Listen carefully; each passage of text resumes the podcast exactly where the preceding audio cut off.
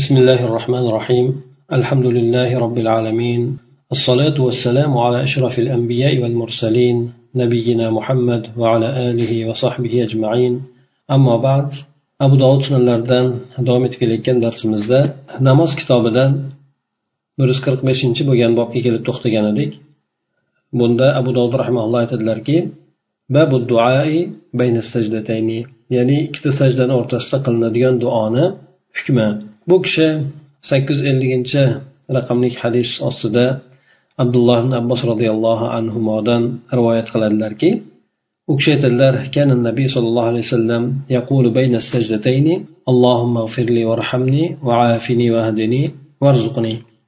ya'ni payg'ambar sollallohu alayhi vasallam ikki sajdani o'rtalarida allohim meni gunohimni mag'firat qilgin meni rahmatingga olgin menga ofiyat bergin hidoyat bergin menga rizq bergin deb aytardi deydi.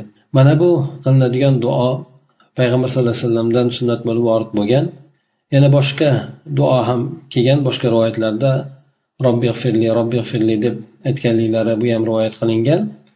Buni olimlar asosan ko'pchiligi e, bu duoni qilinishligini sunnat deb aytadi.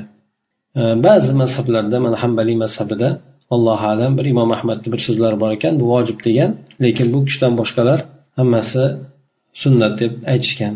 Shuning uchun inson ikki sajdani o'rtasida o'tirgan paytida mana shu duoni allohimma firli varhamni va afini va dini varzuqni deb aytishligi yoki bo'lmasa robbi firli robbi firli deb boshqa duo kelgan o'shani yo uni yo buni aytishligi demak sunnatni ado etishligi bo'lar ekan. Bir yuz qirq oltinchi bo'lgan bobda abu dovud rahmaulloh aytadilarki babu nisai idza kunna ma'al imam ru'usahunna min as-sajdati ayollar agar imom bilan birgalikda namoz o'qiydigan bo'lsalar sajdadan boshlarini ko'tarishligi to'g'risidagi bo'lgan rivoyatlar ekan ya'ni bu bu yerda asmo bint abi bakr roziyallohu anhudan abu dovud rahmaulloh rivoyat qiladiki u kishi aytdilar سمعت رسول الله صلى الله عليه وسلم يقول من كان منكن يؤمن يؤمن بالله واليوم الآخر فلا ترفع فلا ترفع رأسها حتى يرفع الرجال رؤوسهم كراهية أن يرين من أورات الرجال asmo bint abi bakr roziyallohu anhu aytadilarki men rasululloh sollallohu alayhi vasallamni shunday deb aytayotganini eshitdim kimki sizlardan ya'ni ayollarga xitob qilib aytgan ekan sizlardan kimki allohga va oxirat kuniga iymon keltiradigan bo'lsa erkaklar boshini ko'targunigacha boshini ko'tarmasin yoki ko'tarmaydi deb aytdilar. Bu narsani illatini bu asmo onamiz keltirib aytadiki ayollar erkaklarni avratini ko'rib qolishligini yoqtirmaganligidan bo'lsa mana shu gaplarni aytdilar deydi. Avvalda mana islomni avvalida xosatan mana madinaga ko'chib o'tilgandan keyin u yerda odamlarda bir navi bir qiyinchilik kambag'allik holatlari bo'lgan ana o'sha paytlarda xosatan ashobi suffadagilar ya'ni ashobi suffa ya'ni bular uysiz bo'lgan e, muhojirlar edi. Ana o'shalarni e, kamdan kam ikkita kiyimni topilardi ularda deydi. Ya'ni tepasi bilan pastiga kamdan kam bular kiyimni topishardi avvalda. Shuning uchun bir kiyim bo'lar edi xolos faqat o'sha kiyimini agar uzunroq bo'ladigan bo'lsa tepasi bilan qo'shib turib yelkasidan bog'lab olishardi. Bu narsalarni satr avrat e, boblarida o'tgan edik agar qisqaroq kaltaroq bo'ladigan bo'lsa faqat o'sha e, kindigidan pastiga o'rab turib tepadan bir narsa bilan bog'lash bo'lardi. O'sha narsa tushib ketib qolmasligi uchun. Ya'ni bularni ichidan boshqa kiyim bo'lmas edi ana o'sha narsada erkaklarni saf orqa saflarida agar ular sajda qiladigan bo'lsa ayollar ular erkaklardan keyingi safda turishgan. Shuning uchun agar boshlarini avval ko'taradigan bo'lsa avratlarda ko'rib ko'rinib qolishligi mumkin edi erkaklarda. Ya'ni orqada turganlar ko'rib qolishligi mumkin shuning uchun payg'ambar alayhissalom ayollarni erkaklardan keyin boshlarini ko'tarishligini bu yerda ta'kidlab aytdilar. Bu avvalda aytib o'tganimizdek islomni avvalgidagi bo'lgan holatlarda bo'lgan edi. Endi illati sababi ham ma'lum. Sababi ya'ni o'sha avratlari ochilib qolgan paytida ya'ni orqa tomondan ayollar ko'rib qolmasligi uchun. Bu illat ketadigan bo'lsa albatta erkaklardan oldin ayollar boshlarini ko'tarishligida zarar bo'lmaydi faqatgina imomdan oldin ko'tarib bo'lmaydi. Bu yerdan yana bir tushuniladigan narsa bo'ladiki insonni ichki tomonidan agar kiyimi bo'lmasa ham e, namoz o'qishligi mumkinligi e, tepa tomondan avrati bekiladigan bo'lsa bu narsalarni yuqorida hadislarda ham aytib o'tilgan edi. Ya'ni inson o'zini avratini ko'rib ko'rmaydigan darajada ya'ni tepa belidan bog'lashib olardi deb keladi. E, tag tag tomonida bo'lsa agar boshqa kiyimi bo'lmasa ham ustidan kiygan uzun ko'ylagi bo'ladigan bo'lsa shunday bo'lgan holatlarda namoz o'qishligi mumkinligi aytilgan edi. Lekin albatta namozdagi mukammallik inson hattoki ichki tomondan ham kiyimlari bo'lib avratini yaxshilab bekitgan bo'lishligi bu namozni mukammalligiga dalolat qiladi. Bir yuz qirq sakkizinchi qirq yettinchi bo'lgan bobda abu dovud rahmalloh aytadilarki rukudan turishlik hamda ikki sajdani o'rtasidagi bo'lgan uzunlik to'g'risida kelgan rivoyatlar ekan ya'ni qancha miqdorda payg'ambar sallallohu alayhi vasallam rukudan turganda qancha o'zlarini ushlab turardilar hamda ikkita sajdani o'rtasida qancha turardilar bu kishi sakkiz yuz ellik ikkinchi bo'lgan hadisda barro ibn ozib roziyallohu anhudan rivoyat qilinadiki u kishi aytadilar أن رسول الله صلى الله عليه وسلم كان سجوده وركوعه وقعوده وما بين السجدتين قريبا من السواء bu hadisni imom buxoriy va imom muslim ham rivoyat qilgan ekan Ya'ni rasululloh sollallohu alayhi vasallamni sajdalari rukulari qadida o'tirishligi hamda ikki sajdani o'rtasidagi bo'lgan o'tirishligi bular bir biriga yaqinroq bo'lgan edi deydi. Bu yerda mana shu mavzu ostida bob ostida bir qancha hadislarni keltirib o'tadi. O'sha payg'ambar sallallohu alayhi vasallamni ruku holatlari o'tirgan holatlari sajda qilgan holatlari hamda mana pastlarda keladi. U kishini qiyomda turgan holatlari ham deb keladi bir biriga yaqin bo'lar edi deb keltirib o'tadi. Olimlar bu borada aytishadiki payg'ambar sallallohu alayhi vasallamni holatlari har xil bo'lgan. Rivoyatlar ham har xil holatda rivoyat qilingan. Ba'zan payg'ambar sallallohu alayhi vasallam uzun suralarni o'qiyar edi. Bomdod namozi bo'lsin. Mana yuqoridagi bo'lgan hadislarda aytib o'tilgan edi.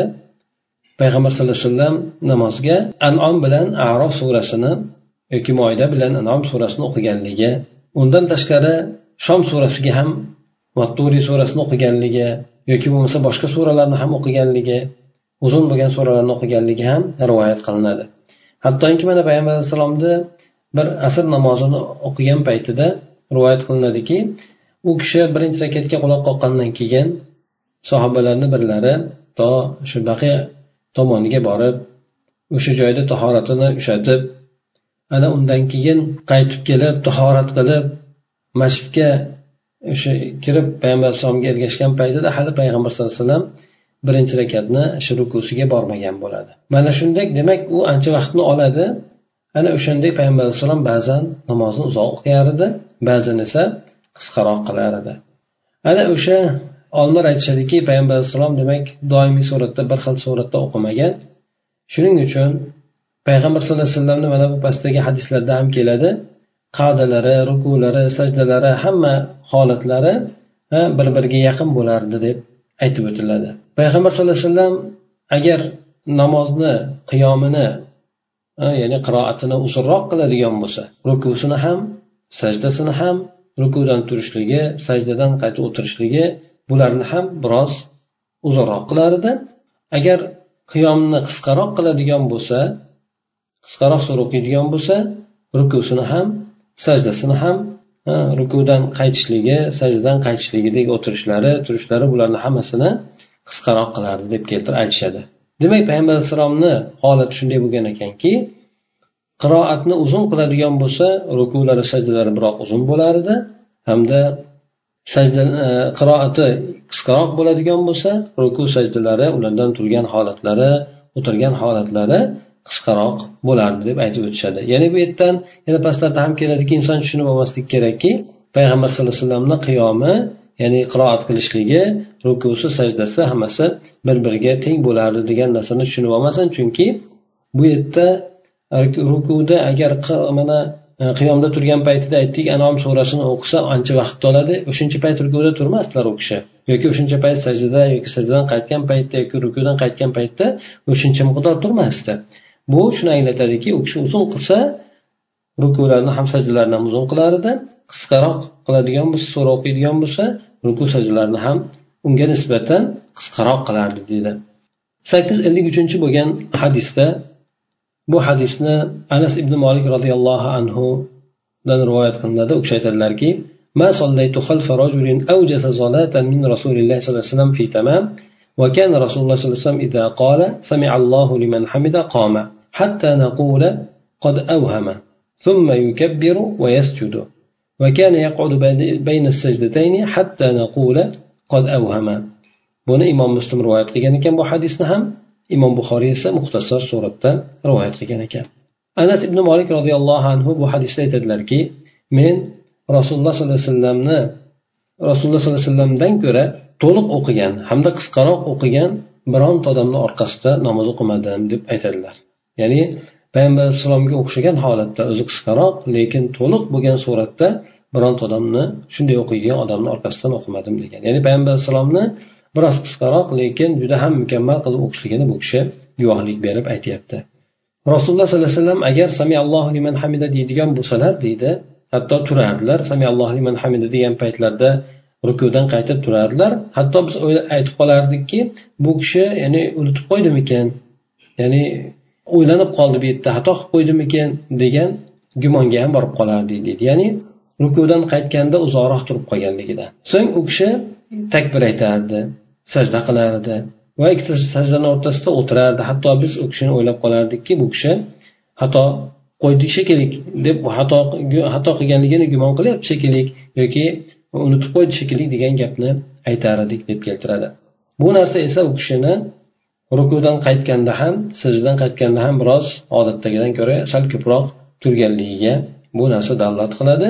Aytib o'tildi demak payg'ambar alayhissalom qiyomni uzun qiladigan bo'lsa o'sha rukudan qaytganda ham sajdadan qaytganligini ham uzun qilardi deb boshqa rivoyatlarga asoslangan holatda olimlar shunday deb aytishadi sakkiz yuz ellik to'rtinchi bo'lgan hadisda esa bu hadisni baro ibn ozib roziyallohu anhudan rivoyat qilinadi u kishi aytdilarki romaqtu muhammadin sallallohu alayhi vasallam وقال أبو كامل رسول الله صلى الله عليه وسلم في الصلاة فوجدت قيامه كركعته وسجدته كركعته وسجدته واعتداله في الركعة كسجدته وجلسته بين السجدتين وسجدته بين التسليم والانصراف قريبا من السواء barro ibn ozib roziyallohu anhu aytadilarki men muhammad sallallohu alayhi vasallamni ko'rdim deydilar boshqa roviy esa muhammad sallallohu alayhi vasallamni o'rniga rasululloh sollallohu alayhi vasallamni deb ibora so'z bilan aytgan ekan ya'ni ikkalasi ham bir narsani ifoda qiladi payg'ambar sallallohu alayhi vasallamni demak namozda ko'rganligini bu kishi rivoyat qilib aytadi Shunda men u kishini qiyomda turganligini ya'ni qiroat uchun qiyomda turganligini xuddi u kishini ruku qilgani kabi ruku va sajda qilgani kabi topdim deydi. Ya'ni xuddi rukudagi sajdadagi muddatidaqa topdim bu kishini deydi. Va yana bu kishini rukudan qaytganda o'zini tikalab turishligini u kishini sajdasidagi muddatchalik topdim deydi. Ikkita sajdani o'rtasida o'tirishligini va salom bergandan keyin namozdan burilib ketishligi orasidagi bo'lgan o'tirishligini barobar ya'ni bir biriga yaqinroq bo'lgan holatda topdim deb aytib o'tadi. Demak mana bu hadisda biz aytib o'tganimizdek u kishi payg'ambar sallallohu alayhi vasallamni qiyomini ya'ni qiyomda turganligini qiroat qilganligini ruku qilganiga barobar topdim deydi. Ruku bilan sajdasiga barobar topdim deb keltiradi. Bu yerda haligi aytib o'tganimizdek payg'ambar alayhissalom bir anom surasi arof surasini o'qiydigan bo'lsa albatta rukularda sajdalarda uncha muddat turmas edi. Bu yuqorida aytib o'tganimizdek olimlarni aytgan gaplari ya'ni qiyomini uzun qiladigan bo'lsa rukusi sajdasi undan keyingi bo'lgan rukudan qaytishligi bo'lsin sajda sajda qilishligi sajdadan qaytishligi bo'lsin ana o'shalarni barobar qilardi. Ya'ni biroz uzunlashtirib qilardi qisqaroq bo'ladigan bo'lsa aytib o'tilgandek qisqaroq qilardi deb aytiladi. bu yerda o'sha namoz salom bergandan keyin namozdan turib ketgan ketguncha ham o'shuncha muddat o'tirardi deydi ya'ni unda uzoqroq o'tirar ekan zikrlarni ko'proq qilib qisqaroq bo'ladigan bo'lsa qisqaroq o'tirar ekan abu dovud aytadilarki قال مسدد فركعته واعتداله بين الركعتين فسجدته وجلسته بين السجدتين فسجدته فجلست فجلسته بين التسليم والانصراف قريبا من السواء imom muslim ham rivoyat qilgan ekan ya'ni musaddadni qilgan rivoyatda musaddad abu dovudni so'zlaridan u payg'ambar alayhissalomni rukulari hamda ikki rakatni o'rtasida ikkita rukudan qaytgandagi mo'tadil turishligi o'zini tikalab turishligi sajda qilishligi ikki sajdani o'rtasidagi o'tirishligi va keyin sajda qilishligiyu salom berishlik bilan qaytib namozdan turib ketishligi namozni bitirib bo'lib turib ketishligidagi o'tirishligini o'rtasida shu yerdagi o'rtasidagi o'tirishligi hammasi bir biriga yaqinroq bo'lardi deb bu kishi ham aytib o'tadi. Demak yuqorida aytib o'tganimiz payg'ambar alayhissalomni namozni holatlarini rioya qilar edi juda qiroatni uzun qiladigan bo'lsa rukularni sajdalarni qisqaroq qilmas edi balki sal uzunroq qilar edi qiroatini yengilroq qiladigan bo'lsa ularni ham yengilroq qilar edi bir yuz qirq sakkizinchi bo'lgan bobda abu dovud rahmalloh aytadilarki babu solati man la yuqimu sulbahu fi ruku'i va sujud. Rukularda sajdalarda belini qilmaydigan odamni o'qiydigan namozini hukmi qabul qilinadimi yoki yo'qmi? Mana shu to'g'risida ekan. Sakkiz yuz ellik beshinchi bo'lgan hadis bu hadisni abi masud al badriy roziyallohu anhudan rivoyat qilinadi u kishi aytadilarki قال رسول الله صلى الله عليه وسلم لا تجزئ صلاة الرجل حتى يقيم ظهره في الركوع والسجود رسول الله صلى الله عليه وسلم aytdilarki kishi rukuda ham sajdada ham belini to'g'ri turgizmaydigan bo'lsa bu odamni o'qigan namozi u odamdan soqit bo'lmaydi ya'ni yetarli kifoya qilmaydi deb aytib o'tadi. Rukuda ham sajdasida belini tikkalashligi bu rukudan turgan paytida hamda sajdadan turgan paytida ham mana shu narsa tegishlik bo'ladi. Quyidagi yana hadislarda ham keladi. Rukuda turgan paytida ham belini tikkalayib turadi to'g'ri qilib turadi. Sajdada ham belni to'g'ri qilib turadi. Ya'ni o'sha yerda bir bir oz nafasini rostlab xotirjamlik bilan turadi. Hamda rukudan sajdadan qaytgan paytida ham belini tikkalagan paytida ham bu odam namoz o'qiyotgan odam bir xotirjamlikni his qilib bir oz muddat turadi. Ana o'shanday qilib namoz o'qishligi bu odamni namozini durust bo'lishligiga sabab bo'ladi. Aks holda esa payg'ambar sallallohu alayhi vasallam aytdilar namozi u odamni soqit bo'lmaydi. Ya'ni u odamni namozi kifoya qilmaydi yetarli bo'lmaydi deb aytdi. Mana sakkiz yuz ellik oltinchi bo'lgan hadis bu hadisda abu hurra roziyallohu anhudan rivoyat qilinadi. U kishi aytadilarki أن رسول الله صلى الله عليه وسلم دخل المسجد. فدخل رجل فصلى ثم جاء فسلم على رسول الله صلى الله عليه وسلم. فرد رسول الله صلى الله عليه وسلم عليه السلام وقال ارجع فصل فإنك لم تصلي فرجع الرجل فصلى كما كان صلى ثم جاء إلى النبي صلى الله عليه وسلم فسلم عليه فقال له رسول الله صلى الله عليه وسلم وعليك السلام. ثم قال ارجع فصل فإنك لم تصلي حتى فعل ذلك ثلاث مرار. فقال الرجل والذي بعثك بالحق ما أحسن غير هذا؟ فعلمني. قال إذا قمت إلى الصلاة فكبر ثم اقرأ ما تيسر معك من القرآن ثم اركع حتى تطمئن راكعا ثم ارفع حتى تعتدل قائما ثم اسجد حتى تطمئن ساجدا ثم اجلس حتى تطمئن جالسا ثم افعل ذلك في صلاتك كلها. أبو هريرة رضي الله عنه aytadilarki rasululloh sollallohu alayhi vasallam masjidga kirgan edilar. Bir odam ham masjidga kirib namoz o'qidi. Ya'ni bu yerda namoz o'qiganligi ko'proq olimlar aytadiki tahiyati masjid. Chunki kirganda odam o'qiydigan namozi albatta tahiyati masjid bo'ladi. Shundan keyin u odam kelib payg'ambar sallallohu alayhi vasallamga salom berdi. Rasululloh sollallohu alayhi vasallam unga salomiga alik oldi va aytdiki borib qayta namoz o'qigin chunki sen namoz o'qimading. Bu o'qigan namozini o'tmaydi dedi. Haligi odam xuddi avval qanday o'qigan bo'lsa o'shanday borib namoz o'qidi. So'ng yana payg'ambar sallallohu alayhi vasallamni oldiga kelib u kishiga yana salom berdi. Rasululloh sollallohu alayhi vasallam u kishini salomlariga haligi olib va alaykassalam senga ham salom bo'lsin dedi. So'ng aytdiki borib namozni qayta o'qigin chunki sen namoz o'qimading ya'ni namozing durust bo'lmadi o'qigan namozing deb qaytardilar. Hattoki haligi odam bu narsani uch marta takrorladi. Yana haligi odam kelib aytdiki oxirida payg'ambar alayhisalom qaytargandan keyin olloh sizni haq bilan jo'natgan zotga qasamki ya'ni alloh taologa qasamki men bundan boshqasini yaxshi yaxshiroq bundan boshqacha yaxshi qilolmayman. Menga o'rgating bo'lmasa dedi. Shunda payg'ambar sallallohu alayhi vasallam aytdilarki agar namozga turadigan bo'lsang takbir aytgin dedi. Ya'ni takbirati ihromni aytgin so'ng o'zing bilan birga bo'lgan qur'ondan qodir bo'lganingni o'qigin.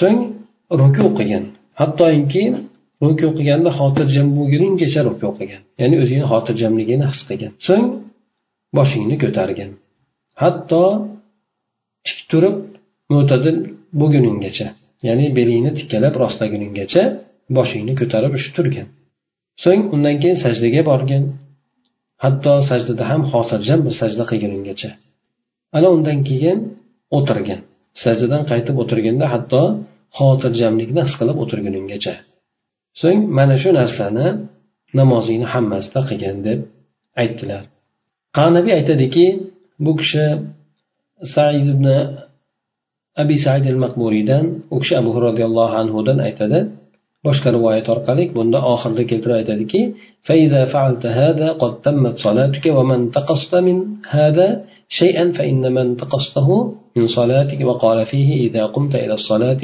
فأسبغ الوضوء agar mana shu narsalarni qiladigan bo'lsang namozni rakatlarida hammasida shuni qiladigan bo'lsang xotirjamlikni his qilib shoshilmasdan namoz o'qiydigan bo'lsang namozingni namozing to'liq bo'ladi mana bu narsalardan birontasi kamayib qolib kamaytirib qo'yadigan bo'lsang unda namozingdan kamaytirib qo'ygan bo'lasan yana o'sha rivoyatda keltirib aytadiki agar namozga turadigan bo'lsang tahoratni mukammal qilgin deb ham aytganliklari rivoyat qilinadi.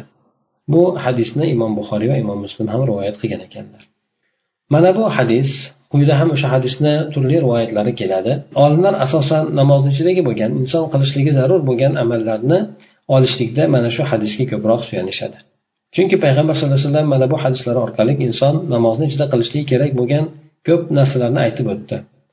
Albatta bu yerda hamma o'sha namozni qilishligi kerak bo'lgan narsalarni hammasini aytib o'tmadi. Ba'zi olimlar aytishganki mana shu hadislarga suyangan holatida ya'ni shu hadisda keltirilgan payg'ambar alayhisalom tomonidan buyurilgan amallarni hammasi namozda tayin qilingandir albatta qilishligi shart qilinadi.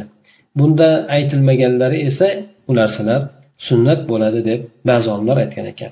Lekin bunga nisbatan aytiladiki bu namozda e, bu, bu rivoyatda namozda inson qilishligi zarur bo'ladigan vojib bo'ladigan hamma amallarni payg'ambar alayhissalom bayon qilmadilar. Bulardan mana ba'zilari salom berishlik yoki bo'lmasa oxirgi rakatda tahiyatiga o'tirib attahiyatni o'qishlik. Bu narsalar namozda vojib hisoblanadi.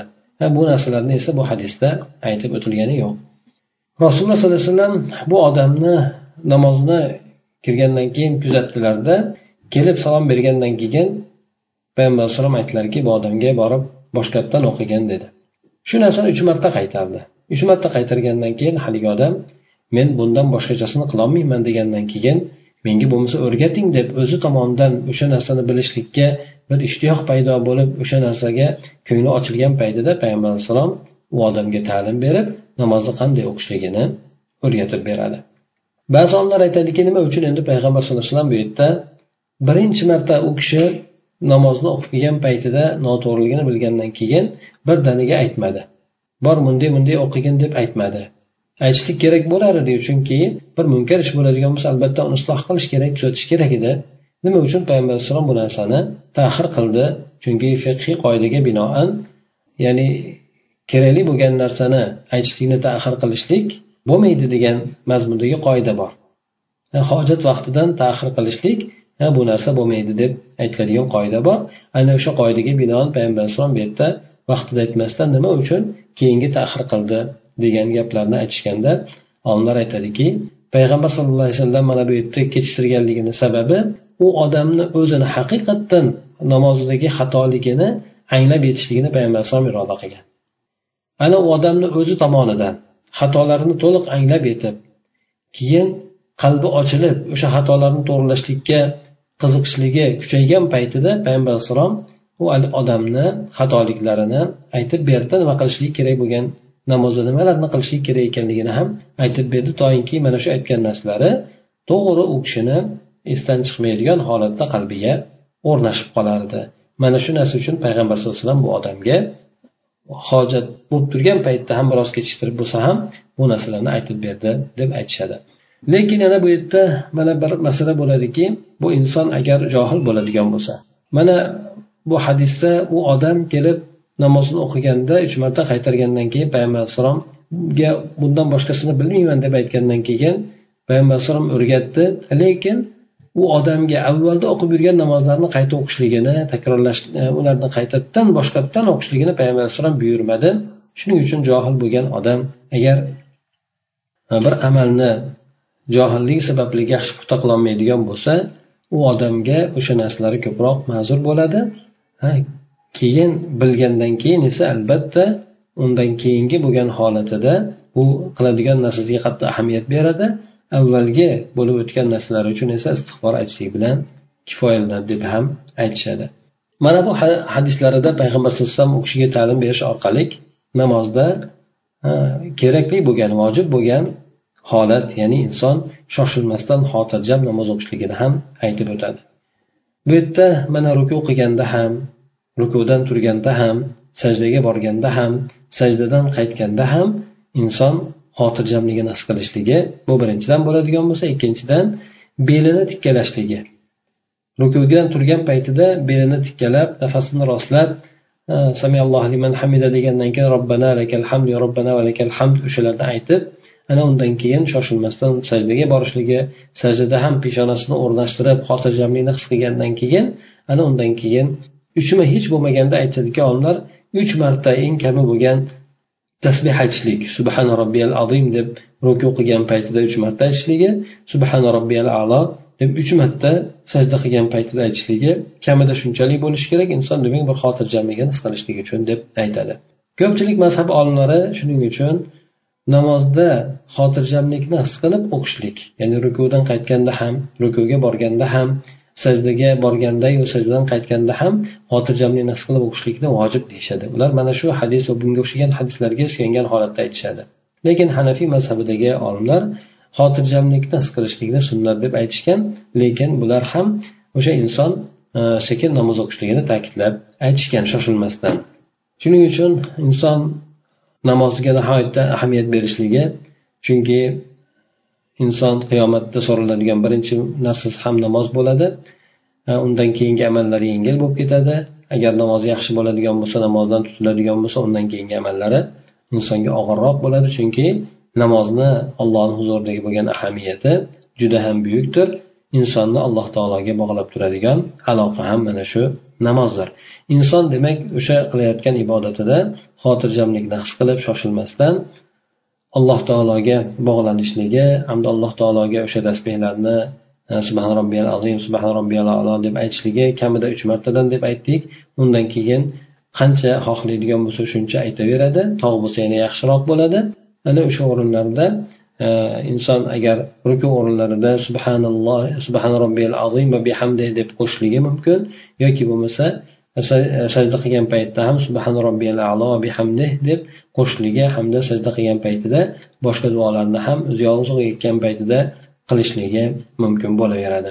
Yana bir masala bu yerda payg'ambar sallallohu alayhi vasallam aytdilarki namozga turgan paytingda takbir aytgan so'ng o'zing bilan birga bo'lgan qur'onni qodir bo'lganingni o'qigin degan mana shu yerdan ham ba'zi olimlar aytishadiki alhamdu surasini bu yerda zikr qilinmadi.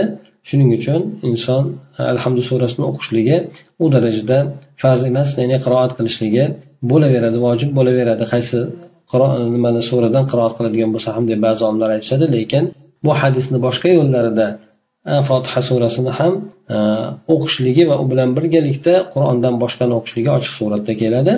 Shuning uchun bu yerdagi birinchi hadisni o'zida bu narsaga chegaralanmaydi. Undan keyingi bo'lgan mana qanabiyda qilgan e, rivoyatida mana shu hadisni boshqa yo'lida aytib o'tdilarki payg'ambar sallallohu alayhi vasallam agar mana shu narsalarni qiladigan bo'lsang namozing mukammal bo'ladi bironta narsani kamaytiradigan bo'lsang namozingdan kamaygan bo'ladi dedi.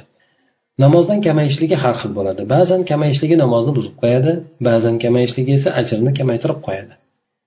Ba'zan o'sha aytib o'tilganidek vojib bo'lgan narsalarni kamaytirib qo'yadigan bo'lsa qasddan qiladigan bo'lsa namozi buziladi. Agar vojib bo'lgan narsalarni qasddan emas yoddan chiqarib yoki unutib e, qilmay ketadigan bo'lsa bu narsalarni sajda sahi bilan inson to'ldirib qo'yishligi mumkin bo'ladi. Yana bunda hadisda aytib o'tdiki agar namozga turadigan bo'lsang tahoratni mukammal qilgin dedi. Tahoratni mukammal qilinishligi namozda xushu bilan bo'lishligiga olib boradigan sabablardan birisi hisoblanadi sakkiz yuz ellik yettinchi bo'lgan hadis ehtimol shu yerga to'xtatarmiz bo'lmasa chunki bu hadislarni yana boshqa yo'llari ham bor ekan bir qancha hadislar mana shu bobda keltirib o'tiladi inshaalloh kelgusi darsimizda ularni o'qib ularni ham qo'ldan kelganicha sharhlab o'tishlikka harakat qilamiz سبحانك اللهم وبحمدك نشهد أن لا إله إلا أنت نستغفرك ونتوب إليك اللهم انفعنا بما علمتنا وعلمنا ما ينفعنا وزدنا علما